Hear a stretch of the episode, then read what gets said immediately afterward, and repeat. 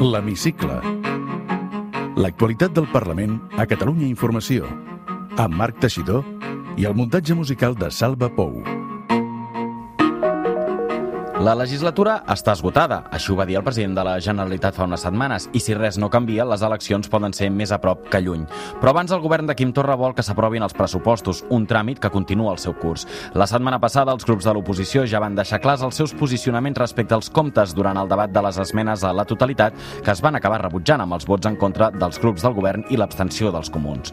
Ara, Ciutadans, PSC, CUP i Partit Popular han fet el següent pas per mirar de frenar els números que el vicepresident i conseller d'Economia l'Economia, Pere Aragonès, va portar a la cambra. Han presentat esmenes de retorn als pressupostos de cadascun dels 13 departaments del govern i d'uns pressupostos a uns altres, els del Parlament, que després de passar un mal tràngol, al ple, finalment, sembla que s'ha tancat l'acord entre Junts per Catalunya i Esquerra per poder-los aprovar. Gestos que han obligat a cedir una banda i a l'altra per arribar fins aquí. Però mentrestant els pressupostos van seguint el seu curs, l'activitat al Parlament continua. Aquesta setmana s'han fet els últims passos per crear dues noves lleis, la de la lluita contra el malbaratament alimentari i una altra sobre la protecció de les oliveres monumentals. Setmana que s'ha parlat d'habitatge i també hem conegut l'informe anual del síndic de Greuges. Benvinguts a l'Hemicicle. L'Hemicicle. L'actualitat del Parlament a Catalunya Informació.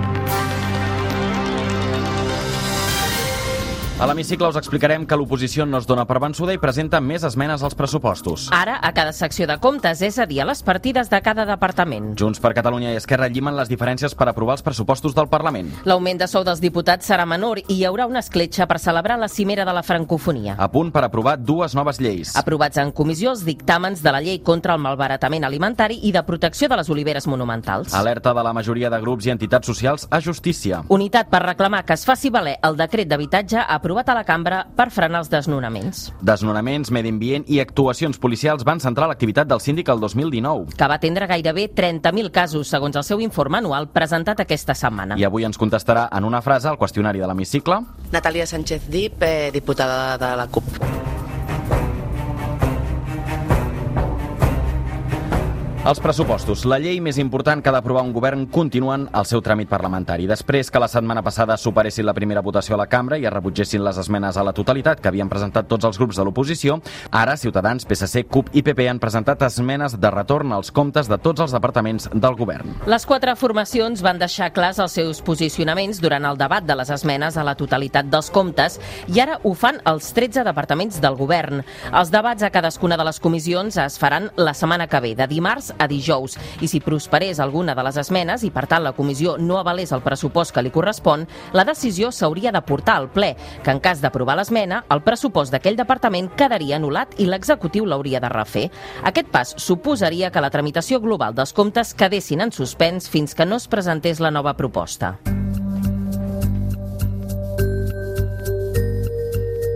Després de setmanes d'estira i arronses pel pressupost del Parlament, finalment Junts per Catalunya i Esquerra s'han posat d'acord per tirar-lo endavant. Els dos grups han cedit per evitar mals majors i han aparcat les seves voluntats inicials. Els nous números rebaixen la pujada prevista inicialment del sou dels diputats, que passa de l'1,75 previst a l'1,1%, permetent destinar diners a una partida per actes i celebracions d'esdeveniments, que podria ser l'escletxa per la cimera de parlaments de la francofonia, tal com reclamava el president del Parlament, Roger Torrent. Aquesta voluntat, però, és la que no ha agradat a Ciutadans. Si bé inicialment va posar-se bé amb aquesta reconfiguració dels comptes de la cambra, saber que Torrent vol destinar els 50.000 euros previstos per a conferències i actes no els agrada. Així de clar es mostrava Carlos Carrizosa, president del grup parlamentari de Ciutadans, en una roda de premsa. Eh, com que s'ha consensuat un 1,1, doncs nosaltres hi seríem allà, però el que no pot incloure aquest acord és partides per la francofonia i per eh, major glòria del, del president Torrent. Qui tampoc no està d'acord amb el pressupost és Catalunya en Comú Podem, que ja a la reunió de la mesa hi va votar en contra. Susana Segovia és portaveu del grup. Hi havia una proposta alternativa que se'ns va fer arribar a nosaltres després que el pressupost es va tombar al ple on es congelaven els sous dels diputats. Això és una proposta que ens va fer la presidència del Parlament. Que nosaltres vam dir que si això efectivament es congelaven els sous, nosaltres hi votaríem a favor però Junts per Cat no ha volgut aquesta opció. Així doncs, el pressupost podria tirar endavant amb el vot favorable de Junts per Catalunya, Esquerra i el PSC, ja que PP i CUP s'hi van abstenir a la reunió de la mesa. Ara el pressupost l'haurà de votar el ple, previsiblement el que està previst per la primera setmana de març. Els comptes pugen a 69,5 milions d'euros.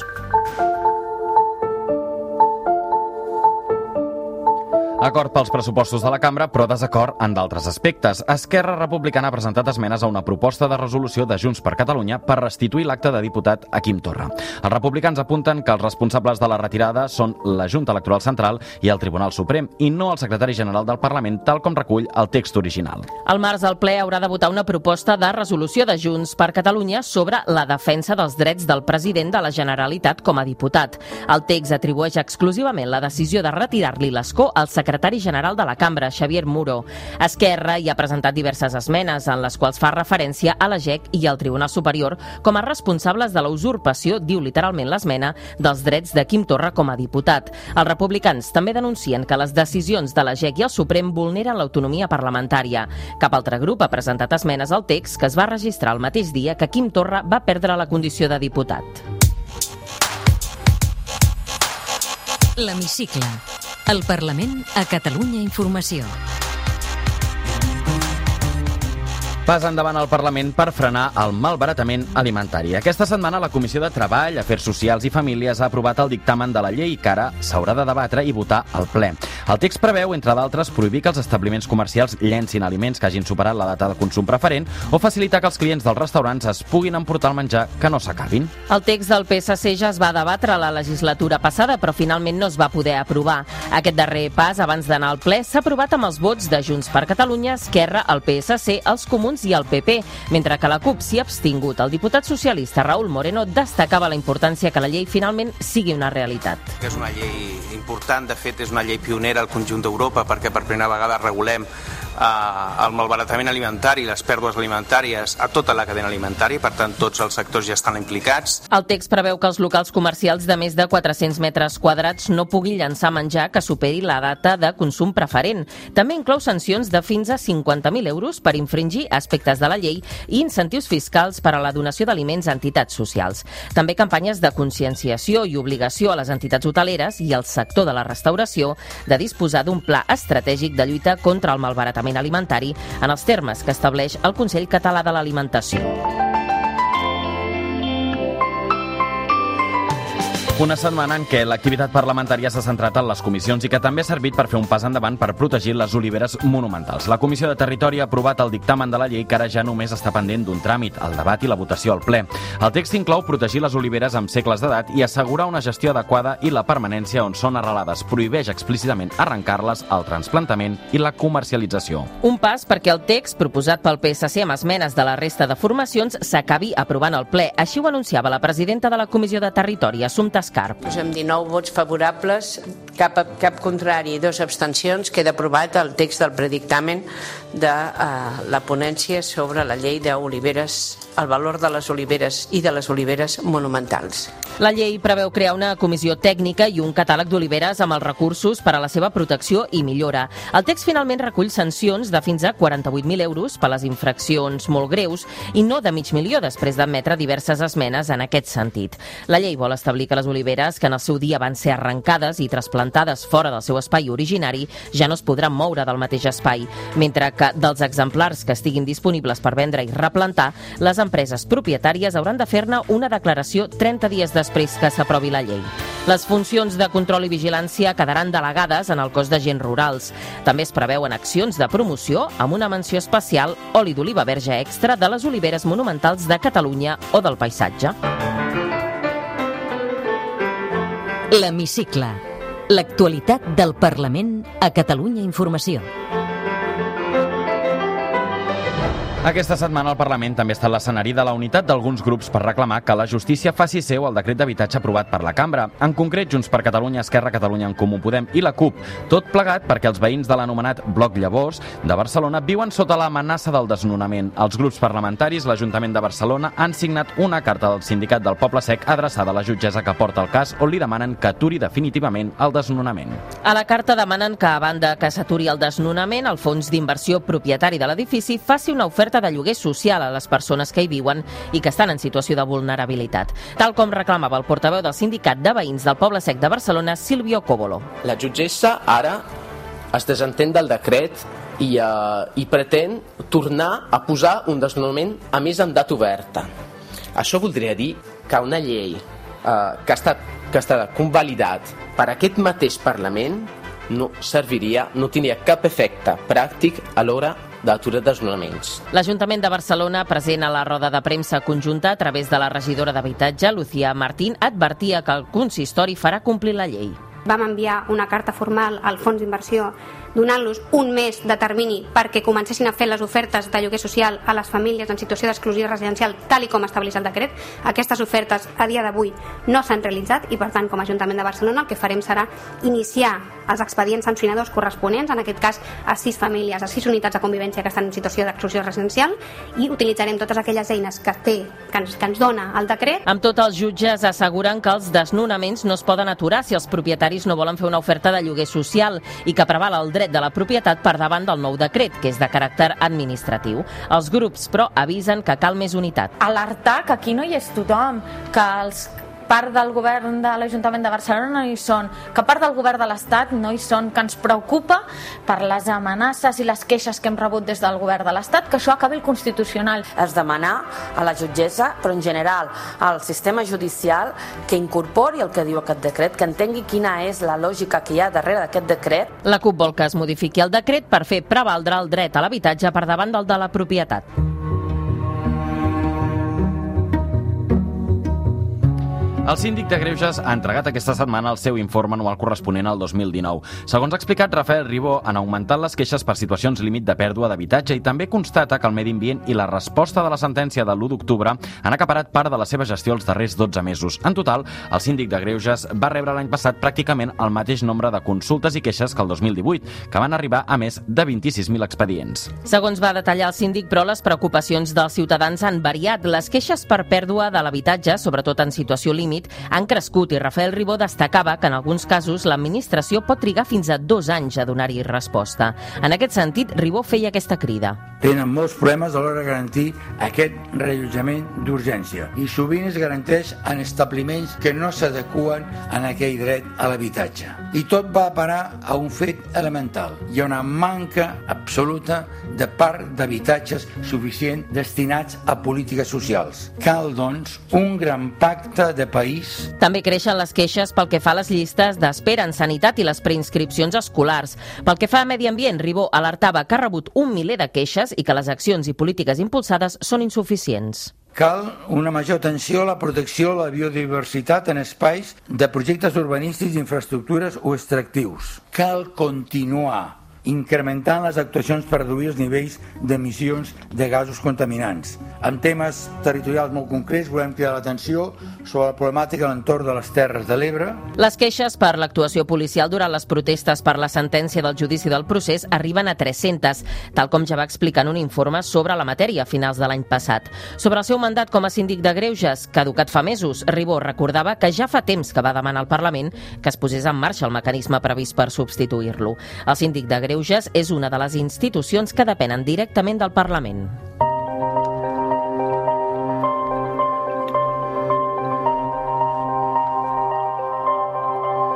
I abans de l'entrevista us expliquem la polèmica que ha envoltat aquesta setmana l'oli que se serveix al restaurant del Parlament. El Consell Comarcal de les Garrigues va elevar una queixa a Roger Torrent assegurant que l'oli d'oliva del restaurant de la Cambra no era català.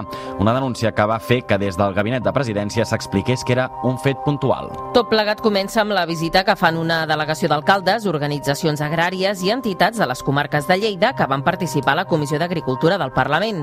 És allà quan la delegació lleidatana alerta que l'oli estava envasat a Getafe Getafe, tal com explicava el president de Saja Lleida, Pere Roquer. Música envasado en Getafe i ens vam sorprendre molt de que el Parlament de Catalunya, tot el projecte que hi ha de quilòmetre zero, nosaltres participant activament a la Comissió d'Agricultura aquell dia que ens trobéssim en aquesta situació. Passat aquell dia, el president del Consell Comarcal de les Garrigues, Jaume Sató, envia una carta al president del Parlament, Roger Torrent. Finalment, és el cap del gabinet de Torrent qui respon a través d'una trucada assegurant que és un fet puntual i que no tornarà a passar, com detallava Sató moment com està el sector de, de la pagesia, que la feina és de sobreviure, que, que, que, que ens estem manifestant a, a, a tot el territori i que el, el Parlament, la, la, la segona institució més gran de Catalunya, no? que, que, que no tinguem oli de, de Catalunya, ja no de les Garrigues, que, que a mi m'encantaria que fos de les Garrigues per descomptat, però almenys, almenys que sigui oli de Catalunya. Ell va dir que havia sigut una cosa puntual, que, bueno, que, no, que no tornaria a passar i, i bueno, disculpant-se.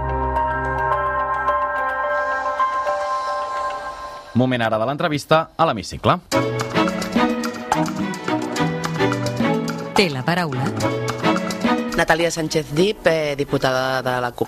La legislatura està esgotada, però abans el govern vol aprovar els pressupostos. Vostès parlen de que és un error. Per què? Bé, més que un error és paradoxal i contradictori, no? Una legislatura que el mateix president del govern ha dit que està esgotada i l'evident eh, confrontació i conflicte constant que tenen els dos socis de govern també són un símptoma d'aquest esgotament del que havia de ser el govern efectiu. Per tant, nosaltres entenem que si l'eina principal, la llei principal que aprova un govern com a full full de ruta com a quadern de bitàcora és, són els pressupostos. Eh, no té cap sentit aprovar uns pressupostos per després un govern que caurà per la convocatòria d'eleccions.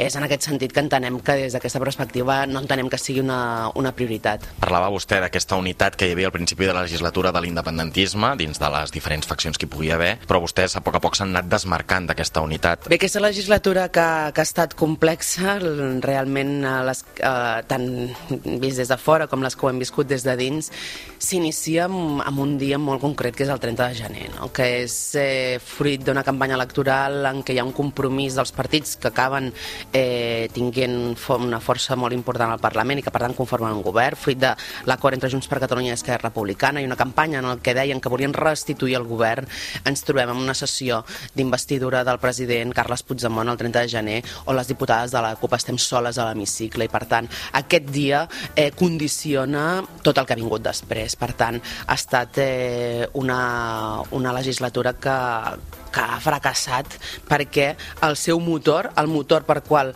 eh, el 22 de desembre van guanyar els partits que van guanyar, no ha aplicat els seus compromisos i per tant la CUP ja es va apartar en aquell moment, eh, malgrat eh, va estar disposada a fer un vot, eh, un, un xec en blanc, com aquell qui diu, per eh, fer president a Carles Puigdemont, el que va venir després i el que ha vingut fins a dia d'avui, fins al, al darrer episodi de la inhabilitació del el president Quim Torra i com a diputat eh, ha estat la marca de la casa, que ha estat una reculada en la defensa de drets eh, en tots sentits molt important. Per tant, la CUP no podem col·laborar amb un govern que ha aplicat, per exemple, des del Departament Interior una repressió tan brutal com la que hem vist, per exemple, en la resposta a la sentència, o un govern que eh, no té compromís, un compromís clar en eh, resoldre la desigualtat estructural que es viu en aquest país. Podríem parlar d'un desencantament també al carrer?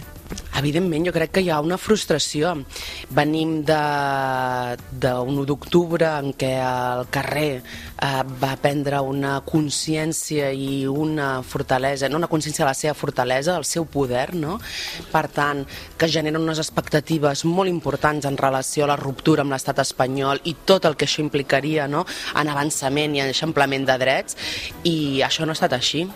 Els compromisos que especialment Esquerra Republicana i Junts per Catalunya van prendre amb la població el 21 de desembre no s'han complert i, a més a més, s'hi afegeix eh, sessions plenàries que els periodistes també heu viscut des d'aquí, molt rocambolesques i quasi bé vergonyants eh, en, en relació a cada una d'aquestes decisions reculades, eh, picabaralles i per tant mm, ha estat una, genera jo crec que una frustració, nosaltres la sentim com a grup parlamentari i per tant entenem que la frustració de la gent sigui molt important. Quin camí proposen vostès, si desconfien de l'Estat, diguéssim, quin camí proposa la CUP Crida Constituent? Nosaltres, primer de tot, considerem que un alt, altes energies o moltes expectatives en què la resolució del conflicte entre Catalunya i l'Estat es resoldrà en una taula entre governs, entre el govern de l'estat espanyol eh, liderat per Pedro Sánchez i el govern de la Generalitat de Catalunya liderat per Quim Torra, nosaltres entenem que aquí no, no trobarem la solució eh, del conflicte perquè no hi ha un reconeixement entre iguals. Per tant, nosaltres plantegem que des de les institucions eh, catalanes, des de les institucions del govern de la Generalitat, cal eh, reivindicar la sobirania del Parlament, primer de tot, sobirania que ha estat trepitjada i constantment s'ha anat cap enrere en relació a la defensa d'aquesta sobirania.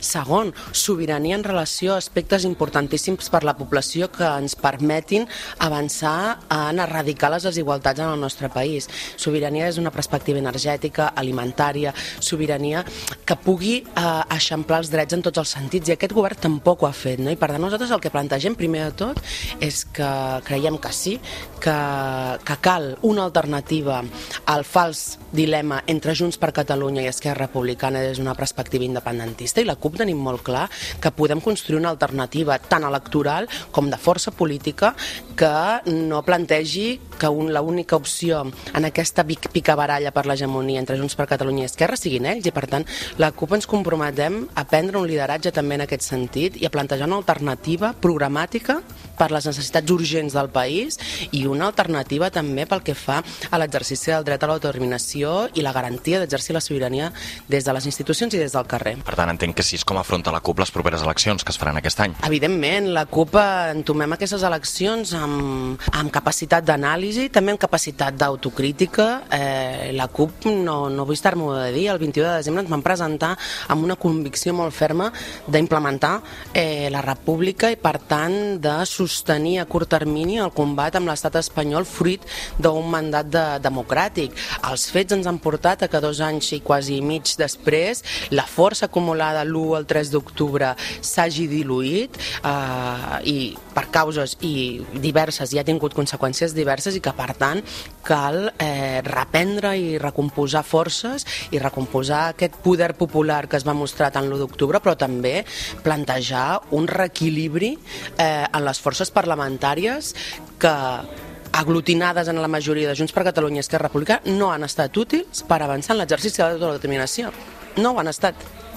Respongui'm una paraula o una frase, si pot, aquestes qüestions. Amb la crisi climàtica cal... Mesures valentes des de les institucions per eh, frenar i erradicar eh, les conseqüències d'un sistema capitalista que el que fa és socialitzar les conseqüències de eh, la seva activitat. La pobresa energètica és?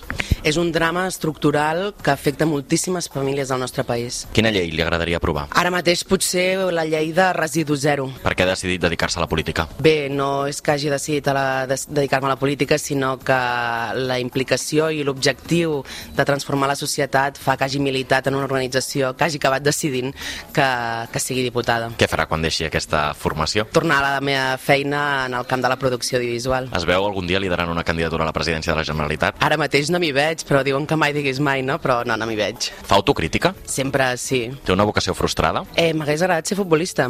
Mútua o salut pública? Salut pública. Lloguer o propietat? Lloguer, a punt de que, de que no em renovin el contracte per fer-hi uns pisos turístics, a més a més. Una música que l'identifiqui? Eh, doncs d'Antònia Font, la cançó d'Alegria, crec que, que m'identifica i m'agrada. Un paisatge favorit? El de l'Albera, a l'Empordà. Quin estil literari li és més agraït per llegir? La novel·la en sentit ampli. Amb què es posa contenta? Amb la música. Què li fa por? La repressió. Amb quin diputat o diputada d'un altre partit té pendent fer un cafè? Marina Bravo, de Ciutadans. Completi la frase. El que més m'agradaria? Ara mateix fer unes petites vacances. Moltes gràcies. A vosaltres, moltes gràcies. Podeu tornar a escoltar l'Hemicicle al web catradio.cat barra hemicicle o al podcast del programa i seguir l'actualitat del Parlament al perfil de Twitter arroba L-hemicicle.